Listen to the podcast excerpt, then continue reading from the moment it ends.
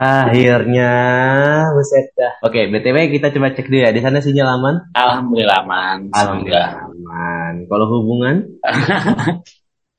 hubungan tidak aman. Hubungan tidak aman. Oke, jadi mari kita mulai. Hai, mana sepeda medak dan Kampus Podcast. Jadi sebelum kita mulai, silakan lu introduce yourself, kenalin diri lu, nama lu siapa, usia lu berapa, dan sekarang kesibukan lagi ngapain sih? Silakan bang. Oke, okay, thank you bang. Nama gue Haikal sekarang gue tanggal 29 Mei nanti gue tepat 29 tahun. Waduh, siap. gue lahir di Ambon 29 Mei 1994. Sekarang gue bekerja as a banker di Bank Mandiri. Mana nih? Nah. Balik ke balik ke balik ke balik. Nah, jadi kalau saya ini jadi ini sebenarnya ini kolaborasi ketiga kita. Kolaborasi terakhir itu pun ada kali tiga tahun lalu ya bang. Ingat gak? Betul. Nah, ingat, ingat. dan ini sebenarnya sih gue kembali mengasuhin lo ke podcast rantau. Sebenarnya gimana ya bisa dibilang? Kalau saya di episode-episode yang lalu kan perjalanan lo kemarin ngerantau ke Bandung kuliah tuh kayak gimana? Nanti coba kalian dengerin aja di episode rantau season ke pertama. Sebelumnya saya, saya bagi yang menonton episode pada kali ini ini pada berisik-berisik karena masih di tempat kerja karena kita berdua juga bukan apa gimana ya? Masih pencari cuan lah lebih tepatnya ya. Masih pencari cuan. Lu merasa ada diskriminasi nggak sih pas kemarin ngerantau di Bandung? Diskriminasi sih pas ngerantau pasti ada lah ya wajar. Maksudnya kan gue dari dari daerah terus ke kota besar kan. Pasti mereka karena belum tahu dan belum mengenal daerah gue seutuhnya. Jadi kayak mikirnya kayak oh dari Ambon ya dari mereka mereka nggak tahu kan gue dari Ternate. Tahunya dari Ambon aja. Kayak sumber air sudah dekat kayak kayak gitu loh. Jadi kayak gue bilangnya kayak saya di sana nggak separah itu. Maksudnya nggak separah yang kalian lihat atau kalian dengar. Mm-hmm. kalau kalian main ke daerah kita pun juga udah sangat maju bahkan. Mm-hmm. bisa ada mall semuanya sudah serba maju sih sebenarnya. Iya. cuma nggak terekspos aja. Iya, makanya tadi kan kalau sih ya kalian menekan episode yang pertama kita, sempat gue tanya juga tuh kata shock atau lebih mengakar pandangan ekspektasi orang-orang mengenai daerah dan realitanya itu mungkin salah satu diskriminasi yang lo dapatkan kali ya. Exactly. Nah, tapi kalau misalnya untuk kayak apa ya uh, dilecehkan atau mungkin diasingkan dari circle yang maaf kata sebelumnya dari dunia yang sebelumnya lo pernah kunjungi sebelumnya kayak ini orang kok di, ngejauhin gua gitu ya itu pernah gak sih di hidup hidupan kalau ngejauhin gue sih alhamdulillah sih belum pernah ya. Gue belum pernah sih nemuin orang yang ngejauhin gue karena latar belakang gue atau dari daerah asal gue sih belum pernah sih. Hmm. alhamdulillah ya. Kan karena mungkin karena gue juga berteman atau bergaul sama orang juga tahu sih bawa diri gitu. Jadi nggak hmm. jadi nggak sampai ada yang nggak suka sama gue gitu sih. Ya mungkin gue nggak tahu ya. Uh, cara pandang mereka terhadap gue cuma sejauh ini sih aman-aman aja. Hmm, iya. Terus juga kalau misalnya untuk diskriminasi kan gue udah juga cari artikel juga. Ini kebetulan untuk artikelnya itu pun masih apa ya, uh, belum tahu hal, belum tahu update-update banget mengenai diskriminasi untuk yang dirasakan sama anak rantau. Tapi gue ketemu di Kompasiana, itu judulnya itu adalah diskriminasi terhadap orang Papua di tanah rantau. Ya, bisa dibilang kayak orang-orang Indonesia Timur lah ya, yang tanda kutip yang uh, yang tadi sempat lu bilang juga kan, ekspektasi orang-orang menganggap ternyata ini loh, ini loh ya gitu. Nah sebenarnya hmm. untuk di kisah yang ini uh, banyak stereotip yang dia dapatkan juga, termasuk juga untuk mencari kosan atau mungkin kayak mendapatkan apa ya uh, pertemanan di sana gitu. Pas lu kemarin susah nggak sih dapat kos? Atau mungkin kayak wah ini kos ini khusus untuk Jawa doang atau mungkin kos ini khusus untuk daerah-daerah ini doang gitu. Nggak boleh kosnya untuk orang-orang timur itu nggak boleh gitu. Pernah nggak sih? Enggak sih. Waktu gue di Bandung nyari kosan alhamdulillah aman. Terus karena banyak teman-teman gue juga banyak punya saya ngekos juga. Jadi kayak ada referral referral dari temen gue kayak lu mau kos aja mau kos aja. Jadi kayak hmm. mereka tahu nih kosan yang cocok sama gue yang mana. Jadi ya gue dapat kosannya selalu yang aman aja sih nggak pernah ada yang kayak kosan khusus orang Jawa, khusus orang Ambon. Gak ada sih. Cuma teman-teman gue beberapa tuh ngekos, Hmm. ada juga yang gak deket gue. Jadi kayak mereka ngumpul gitu, kayak orang Ternate, orang Ternate semua. Ada juga. Hmm, kayak satu perkumpulan gitu ya, biar lebih enak ngobrolnya gitu ya. Betul. Hmm. Tapi kalau stereotip yang orang lain lihat dengan lu sendiri itu apa? Atau mungkin stereotip yang uh, lu dapatkan ketika orang lain lihat itu apa? Lihat lu gitu apa? Ngeliat gue sih paling kayak, oh ini pasti dari timur nih. Kayak kulit hitam, rambut keriting.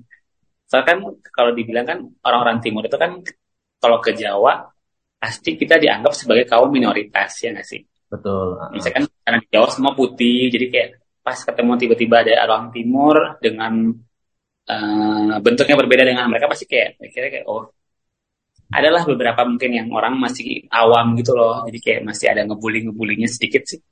Menurut gue sih ya mungkin karena mereka kurang membuka diri aja gitu untuk mengetahui betapa luasnya dunia ini gitu. Jadi nggak kayak hmm. kurang jalan-jalan sih menurut gue kalau orang kayak gitu. kurang hiburan. kurang liburan ya. Tapi BTW Kurang hiburan. uh, apa ya gimana ya? Kalau saya stereotip, stereotip mengenai agama pernah nggak sih lu dapatkan gitu? Jadi kan kalau saya kita ngajak kolaborasi kemarin kan lu udah spill juga kan bahwa lu agama Islam.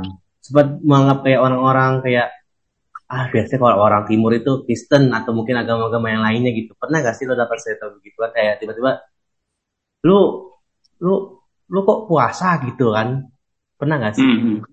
Pernah, pernah, pernah. Gue waktu SMP apa SMA gitu ya, pas gue di Jakarta. Mm-mm. Pernah juga, makanya ngerain gue Kristen. Mungkin dari look gue ya. Cuma ya gue juga nggak nggak kayak langsung marah atau enggak ya. Nggak apa-apa sih. Maksudnya kan mereka karena belum kenal aja kan. Belum tahu biasanya. Biasanya kalau awal masuk masuk SMA sama SMP tuh pasti mereka ngirain gue orang Kristen. Tapi kalau saya menurut lu sendiri kalau di Bandung pasti makanan halal banyak kali ya. Banyak. Banyak ya. Tapi yang stereotip yang berarti yang lu terima, yang lu dapatkan berarti hanya seputar tentang ras kulit lu doang ya dan asal usul dari tempat daerah lu doang ya. Enggak yang nggak Betul. ketemu lagi ya. Hmm. Dari SD, SMP, SMA gue di Jakarta itu cuma kulit doang. Memang karena waktu itu gue emang hitam banget. Kayak benar-benar kalau gue foto sama temen-temen gue udah bisa ke kiri nih, oh nih, ini Haikal gitu. Benar-benar gue sendiri aja gitu orang timur. Di angkatan gue ya waktu itu. Angkatan mana nih lu nih? Angkatan lu kan ada dua nih. Angkatan apa? Oh, bukan. Maksudnya kalau di kuliah, kalau di kuliah kan banyak kan. Maksudnya Ah. SD, SMP, SMA tuh orang Ambon tuh jarang banget. Oh gitu. Iya. iya. Mm. Kalau udah kuliah kan udah, udah lebih luas kan. Mm-mm. Dan lu kan sempat spill juga kan bahwa uh, selain juga lu di Bandung juga sempat ngantau ke Jakarta juga kan buat yang ini mah SMA kali ya. Itu Betul. di SMA juga itu pas lu ngerantau ke Jakarta itu pernah ngalamin tanda kutip rasis gak sih dari teman-teman? Pernah banget, gue pernah dibully juga waktu SMA. Hmm. Itu karena nggak tahu ya. Pada saat itu pemikiran kakak kelas gue terhadap gue tuh gue nggak tahu kenapa. Pokoknya mereka hate aja gitu sama gue. Mungkin ya karena kulit gue berbeda, mungkin atau memang gue bergaulnya sama sekelompok anak-anak yang memang pada saat itu dalam kutip hits juga ya di, di sekolah gue.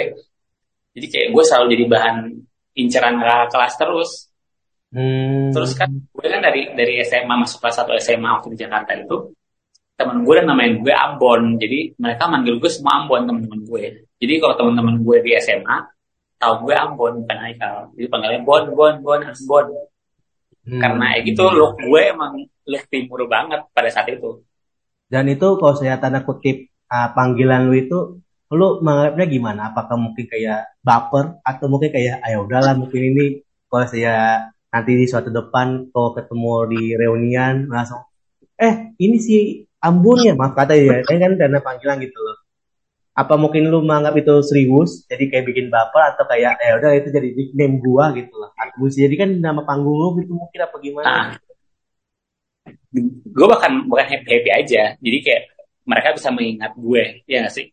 Iya. Jadi kayak Oh. orang lebih ingat gue dengan Ambon jadi kayak oh, Ambon itu Ambon nih gitu jadi gue rasa kayak ya lucu-lucuan aja gitu punya hmm. punya nama tersendiri di angkatan gue. Iya iya. Bahkan kalau saya untuk yang tanda kutip nickname nickname kan banyak juga tuh kalau saya mengenai unsur-unsur apa uh, ras atau mungkin daerah-daerah kan kayak tadi gue ya. bilang Ambon.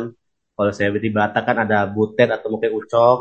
Kalau saya di daerah bagian Tiongkok kan ada juga kayak Enci, Koko kan ada juga kayak gitu kan. Ya mungkin oh. ada juga yang menganggap serius, ada yang menganggap baper kali ya. Hmm.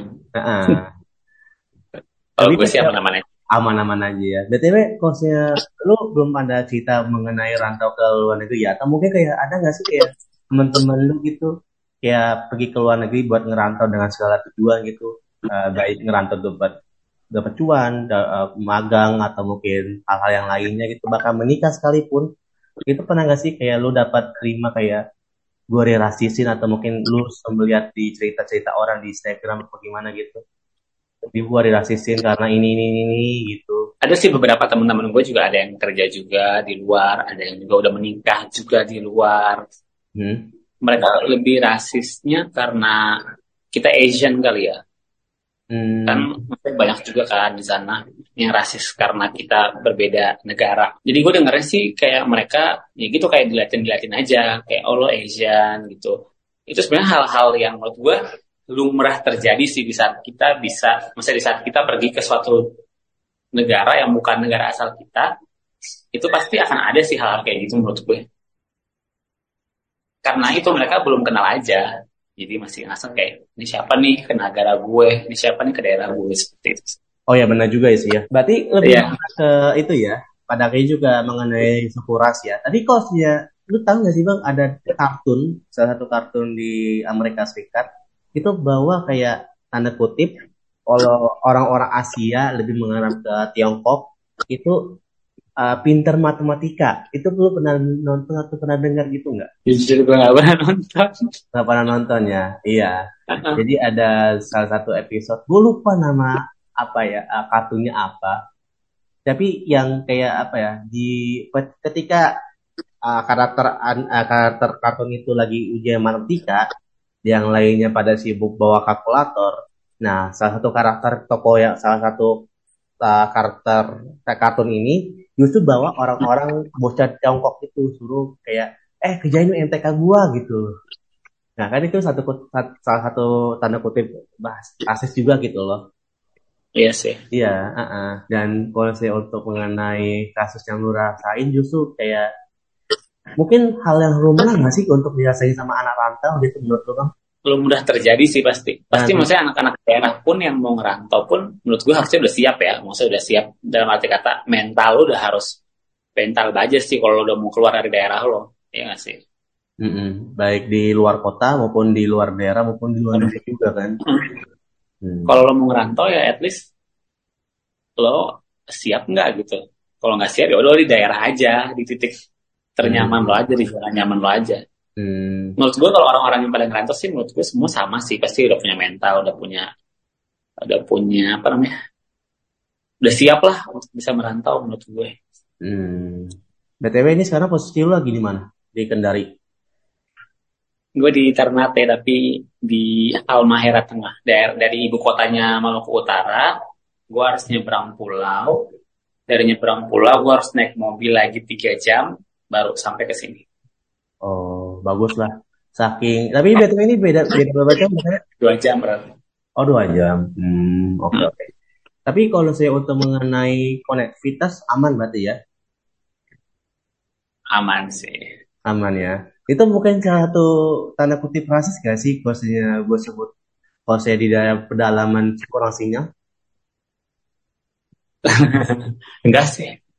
Enggak. Karena emang iya, memang ya itulah maksudnya kan Indonesia kan besar banget ya jadi kayak hmm. untuk menjangkau ke daerah-daerah terpencil itu kan maksudnya butuh proses butuh waktu butuh anggaran juga ya kan iya iya iya ya gue sangat memaklumi sih hal-hal kayak begini mah hmm. Btw lu kenapa nggak ngerantau lagi bang pertanyaan yang bagus tuh. Kenapa gue nggak ngerantau lagi? Kenapa ya? Gue karena mikirnya kayak kayak udah udah udah udah cukup deh gitu. Kayak udah cukup semua yang gue pelajari saat gue merantau pengalaman pokoknya banyak sekali pelajaran yang gue uh, terima pada saat gue merantau. Gue rasa sih udah cukup sih. Dari segi Hmm. pergaulan pendidikan pekerjaan. Jadi gue rasa kayak ini waktunya buat gue balik aja gitu. Maksudnya kayak gue lebih, lebih dekat sama keluarga juga ya kan? Mm-mm. maksudnya no wonder lah lo setiap merantau pasti kangen lah rumah. Nggak mungkin enggak. Iya, homesick juga lah ya. Homesick banget Tapi BTW lu tipenya homesick berarti ya bang? karena usia gue udah mulai usia usia udah mulai tuir homesick banget sih parah Oh, sudah mengamini ya. Biasanya kalau Iya. pembicara pembicara cewek yang berjenis kelamin cewek justru kayak mendenial gitu kayak gue masih muda. Lu ada juga ya udah merasa kayak udah tuh, udahlah gue tuir aja dah. gue gue harus menyadari itu kalau gue udah tua Iya, iya, iya, iya. Oke. kalau Dan- gue kan dari dari dari SD sampai eh kalau bilang gue dari SD sampai kuliah bahkan sampai kerja pun di luar Iya, ah. bahkan terakhir yang Iya. kita, yang bahkan terakhir kita kolaborasi itu pun sempat lu spill juga kan, yang pas era corona kan lu sempat ngantuk ke Bali kan? betul Ah, ah. maksudnya gitu. Oh, ternyata alasan lu justru kayak gitu. Tapi benar gak sih bang, kalau ini mungkin ah, sugesti gua aja ya kali ya? Karena mungkin anak daerah, jadi ngerantau ke luar daerah. Kalau saya menurut lu ada ada tuntut- tuntutan gak sih kayak anak daerah untuk keluar daerah, balik ke daerah itu biar bisa mengembangkan diri untuk bisa tanda kutip merubah tempat daerahnya itu? Ada tuntutan gitu juga gak sih? tuntutan sih nggak ada sih sebenarnya. Yang penting eh, apa yang lo dapat dari luar Hmm. itu lo bisa lo implementasikan aja di daerah lo. Maksud Hmm. dari berbagai macam dari macam background ya. Kalau gue contohnya gue kan kuliah di event management. Nah pada saat gue balik ke Ternate pun gue kerja juga di salah satu WO. Gue juga bergabung juga di salah satu wedding gallery terbesar juga di Ternate. Jadi gue rasa kayak ada sih beberapa ilmu-ilmu gue bisa gue pakai. Ide-ide gue sih. Maksudnya kan kalau dibilang kan di Bandung sama di Ternate kan jauh banget kan. Maksudnya dari segi ilmunya juga jauh kan. Apa yang kita pelajari di sana kan lebih maju lah daripada yang di Ternate. Jadi kayak apa salahnya yang gue punya gue bisa kasih juga. Jadi kayak sama-sama belajar aja. Ya berarti itu ya ada tuntutan dong berarti dalam artian orang ngerantau apalagi dari anak daerah ngerantau ke berbagai kota atau mungkin berbagai negara dan balik lagi ke tempat daerah itu buat mengimplementasikan apa yang dia sudah dapatkan di luar negeri untuk bisa mengembangkan diri di tempat daerahnya gitu berarti ya. Ya, tuntutan sih enggak, tapi gue lebih kayak motivasi diri gue sih untuk bisa memajukan daerah gue aja. Tapi pertanyaan gue berikutnya, kenapa lu belok? maaf, maaf katanya sebenarnya bukan. Ini, jadi gini, mungkin sebenarnya topik untuk kali ini bukan mengenai tentang belok tanda kutip belok ya, tapi mengenai kita, maksudnya kita kerjaan, ada kan? kostum itu, kita ada kostum itu loh, ada kostum itu. loh. Kerjaan kan maksudnya. Iya. Kenapa gue sekarang jadi kerja di bank gitu ya? Iya. Kenapa ya juga ya? Sebenarnya gue bukan gue bukan bukan gue bukan gue nggak melihat sisi hidup gue sebagai banker sih enggak sebenarnya ya.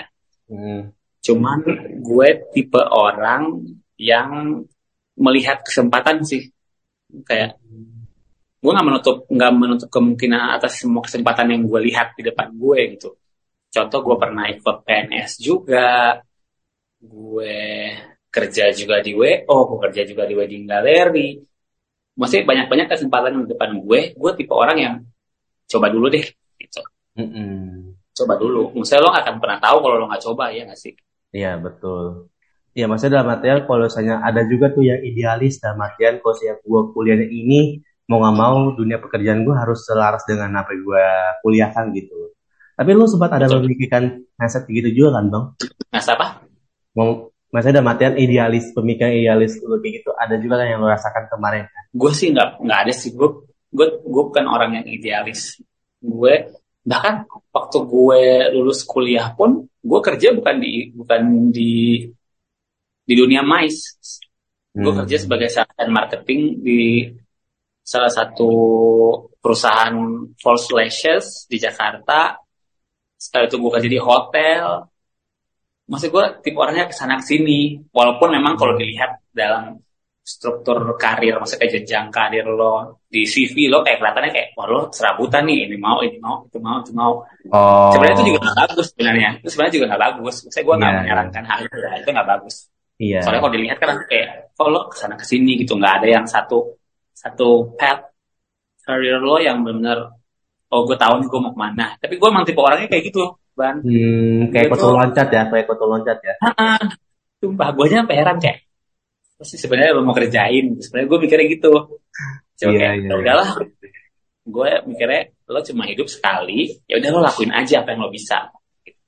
Mm-mm. Oh, ya maksud gue dalam artian gitu loh, dalam artian kayak kalau saya lu kemarin kuliahnya A, pekerjaan lu sesuai dengan selaras apa yang lu kemarin kuliah, tapi ada kepikiran gak sih untuk merantau lagi gitu? Artian, dalam artian siapa tahu kalau saya lu ada mau kuliah lagi, atau mungkin mau cari kerja, atau justru mau menikah. Sejujurnya gue masih pengen, masih pengen. Kalau ada kesempatan, gue masih pengen juga keluar.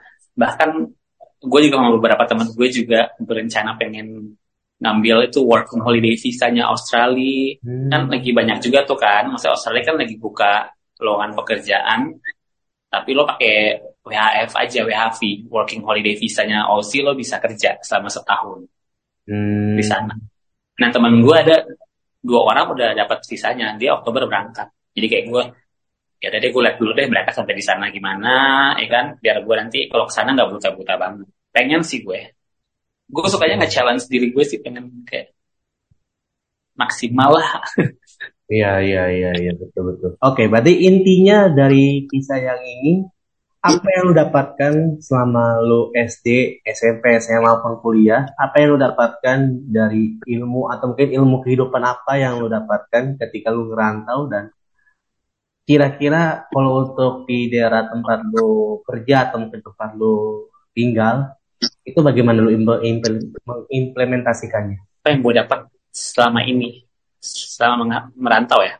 Ya, ilmu kehidupan apa yang lu dapatkan dan pengen apa yang lu bagikan? Pertama disiplin, kedua sabar, terus ketiga itu kerja cerdas sih. Nah tiga itu tuh yang gue yang gue apa namanya yang gue dapetin dari selama perjalanan merantau gue sih tiga itu sih. Kayak lo harus selalu sabar aja gitu. Maksudnya apa pun rintangan dalam pekerjaan lo, kehidupan lo, dalam masalah apa pun dalam hidup lo, ya udah lo sabar aja jalanin aja. Ngeluh-ngeluh dikit mah boleh lah. Siapa sih nggak ngeluh dalam hidup ya nggak sih? Iya, betul. Ngeluh sambil ngerjain itu adalah cara profesional lo menjalani hidup. Menurut gue kayak gitu ya. Lo ngeluh, ngeluh, ngeluh, tapi lo tetap, tetap kerja. Jadi kayak ya udah nggak apa-apa gitu. Hmm. Nah, tadi kan kita sempat bahas juga mengenai rasis, mengenai eh, yang lo rasakan dalam artian kayak ke kulit atau mungkin ke tempat daerah. Untuk logat lo sendiri pernah dirasisin nggak sih, Bang? Untungnya nggak pernah sih, soalnya gue juga beruntungnya karena gue dari SD udah di Jakarta, jadi pas logat, terusnya logat Indonesia yang benar juga gue nggak kayak ada aksen-aksen timur gitu. Ya nggak, lo ngerasa nggak gue ada aksen timur gak? Jujur ya, nggak ada. Nggak ada. Nggak ada kan? Nggak ada. Iya. Nah, gue untungnya tertolongnya itu dari SD gue udah di Jakarta, jadi nggak nggak susah juga gue untuk apa namanya bonding sama orang-orang Jakarta. Ya, tapi Tapi gue kalau tapi kalau di kalau di rumah gue tetap bahasa daerah kalau di rumah. Oh, berarti bisa dibilang lu masih bisa bahasa daerah, Bang? Bisa banget. Hmm, iya, makanya kalau saya pas di episode ke-45, saya udah, gue juga udah ngajak kolaborasi juga sama saudara gue, yaitu di Cina, mengenai mother tongue. Jadi kan kalau saya mother tongue kan bahasa ibu, jadi kan bahasa ibu kan kayak bahasa yang nggak bisa dihilangkan gitu loh. Apalagi kalau saya dia kan emang kerja di Cina. Jadi ada juga tuh kayak beberapa anak rantau juga kayak maaf kata ya, saking udah lu ke luar negeri atau mungkin ke tempat perantaunya dia jadi lupa dengan bahasa daerah gitu loh. Betul. Minimal bahasa Indonesia gitu loh. Tapi untungnya lu masih bisa ya. Untungnya gue masih di rumah masih bahasa daerah. Terus teman-teman gue juga di daerah juga banyak kan. Jadi kayak ya gue nggak lupa lah. hmm. kayak lo gila banget sih kalau menurut gue kayak lo asalnya dari daerah terus lo merantau ke Jakarta terus pas pulang lo kayak nggak tahu bahasa itu kayak aduh ya dan kita nggak tahu iya kan ya kan kita juga nggak tahu ya tiba-tiba kayak merasakan hero pikuknya Jakarta pakai jaksel kan wah itu udah bahasa-bahasa daerah lebih lagi tuh iya tapi gue kalau kalau gue bisa menempatkan diri sih maksudnya kayak gue lagi di daerah ya ya udah gue bahasa bahasa selayaknya di daerah gue gitu loh. Iya. kayak kayak mana gitu kan kayak pasti di teman-teman gue kayak apa sih lo sagu sagu kayak gitu. Biasa makan sagu juga. Hmm untungnya yang ngomong lu bukan gue iya iya iya jadi kalau untuk kalau bahasa kita pada kali ini lu coba kasih kesan kesan apa yang lu rasakan ketika merantau ke berbagai kota di Indonesia? Kalau saya luar negeri kan lu belum pernah kan? Jadi kan beberapa kota di Indonesia itu bagaimana kesan lu sebagai anak timur yang mencoba untuk hal baru? Tadi kan lu bilang kan men-challenge diri lu untuk lebih lagi. Bagaimana kesan lu dan bagaimana kesan lu? Bagaimana biar bisa orang-orang uh, berharapan tidak miring terhadap orang-orang yang hendak dari timur ke negara-negara yang atau mungkin ke kota-kota yang lain biar tidak atau mungkin meminimalisir rasisme gitu. Kalau gue sih ngeliatnya kesannya sih banyak warna sih yang gue lihat. Kalau contoh kalau gue di daerah kan ibaratkan gue ngeliatnya cuma ya udah putih-putih aja gitu. Cuma pas gue merantau tuh gue ngeliat banyak warna dari banyaknya temen gue dari berbagai macam daerah, terus temen gue juga dari berbagai macam latar belakang, terus uh, belajar banyak hal juga dari perspektif hidup mereka. Jadi kayak gue ngerasa gue ngeliat banyak warna sih dalam hidup ini kayak misalnya lo sekecil ini nyet, kayak lo dunia ini gede banget. Kayak sayang aja sih lo nggak punya waktu untuk bisa merantau tuh kayak sayang. Oh, kesannya apa mas? Kesannya? Kesannya sangat luar biasa sih. Merantau itu luar biasa menurut gue.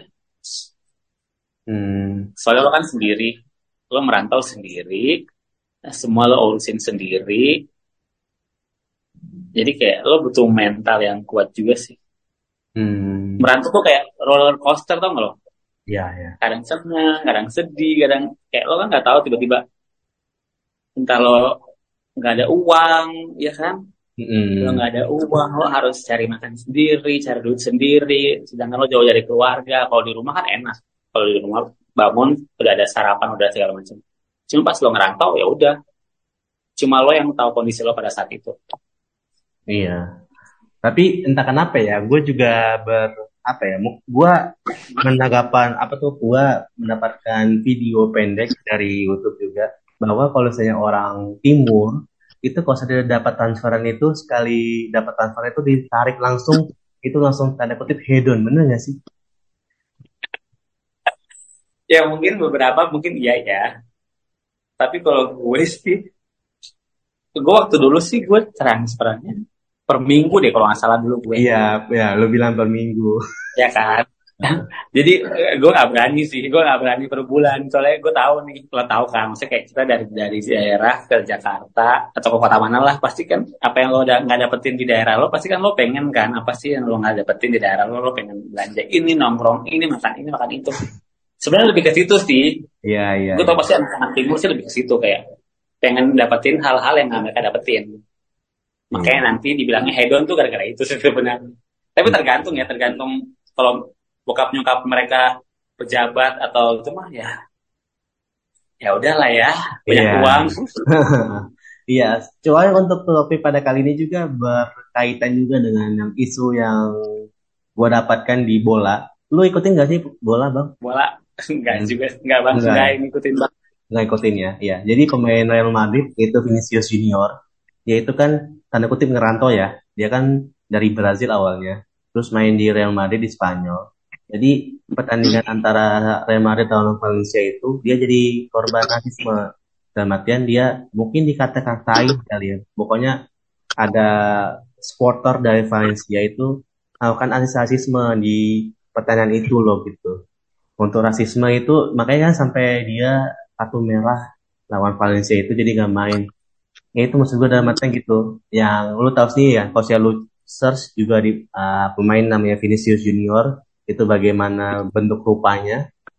Nah, juga pasti apa ya gimana? Tadi kan sempat bilang kan bahwa kalau misalnya di daerah-daerah Eropa kan karena kutip banyak orang-orang kulit putih gitu loh. Sekali ya kalau saya ngeliat yang berbeda, kayak kaget aja gitu loh. Iya, betul. Mm -mm. Iya sih. Kira-kira ada lagi nggak sih yang mau omongin mengenai pada kali ini? Mungkin ada pertanyaan yang gue belum kelar atau mungkin pertanyaan yang gue belum ujarkan ke lu atau mungkin siapa tahu saran-saran yang gue pengen tambahkan gitu. Apa sih kalau gue sih buat maksudnya buat banyak orang yang pengen ngerantau atau yang baru pengen ngerantau jangan takut sih maksudnya kalau lo udah punya niat untuk merantau ya berarti lo udah harus siap gitu loh. Gue tahu kok orang-orang yang merantau tuh punya mental yang luar biasa. Jadi kalau lo sekali lo bisa merantau jadikan itu momen once in a lifetime gitu loh. Jadi kayak sekali seumur hidup nih lo sekali merantau ya udah lo fight buat hmm. hidup lo. Jangan pernah takut gagal coba lagi gagal coba lagi. Hmm siap siap oke okay, thank you bang Haikal atas waktunya Huhui. thank you so much Bana akhirnya ya selesai ah. juga ah ini untuk ini. untuk meranjakan orang ini sudah ada tiga tahun lamanya luar biasa, luar biasa. Sangat sibuk sekali. Oke, okay, berikut episode pada kali ini. Sampai jumpa di episode berikutnya. Sampai jumpa. Thank you, Bang. Bye.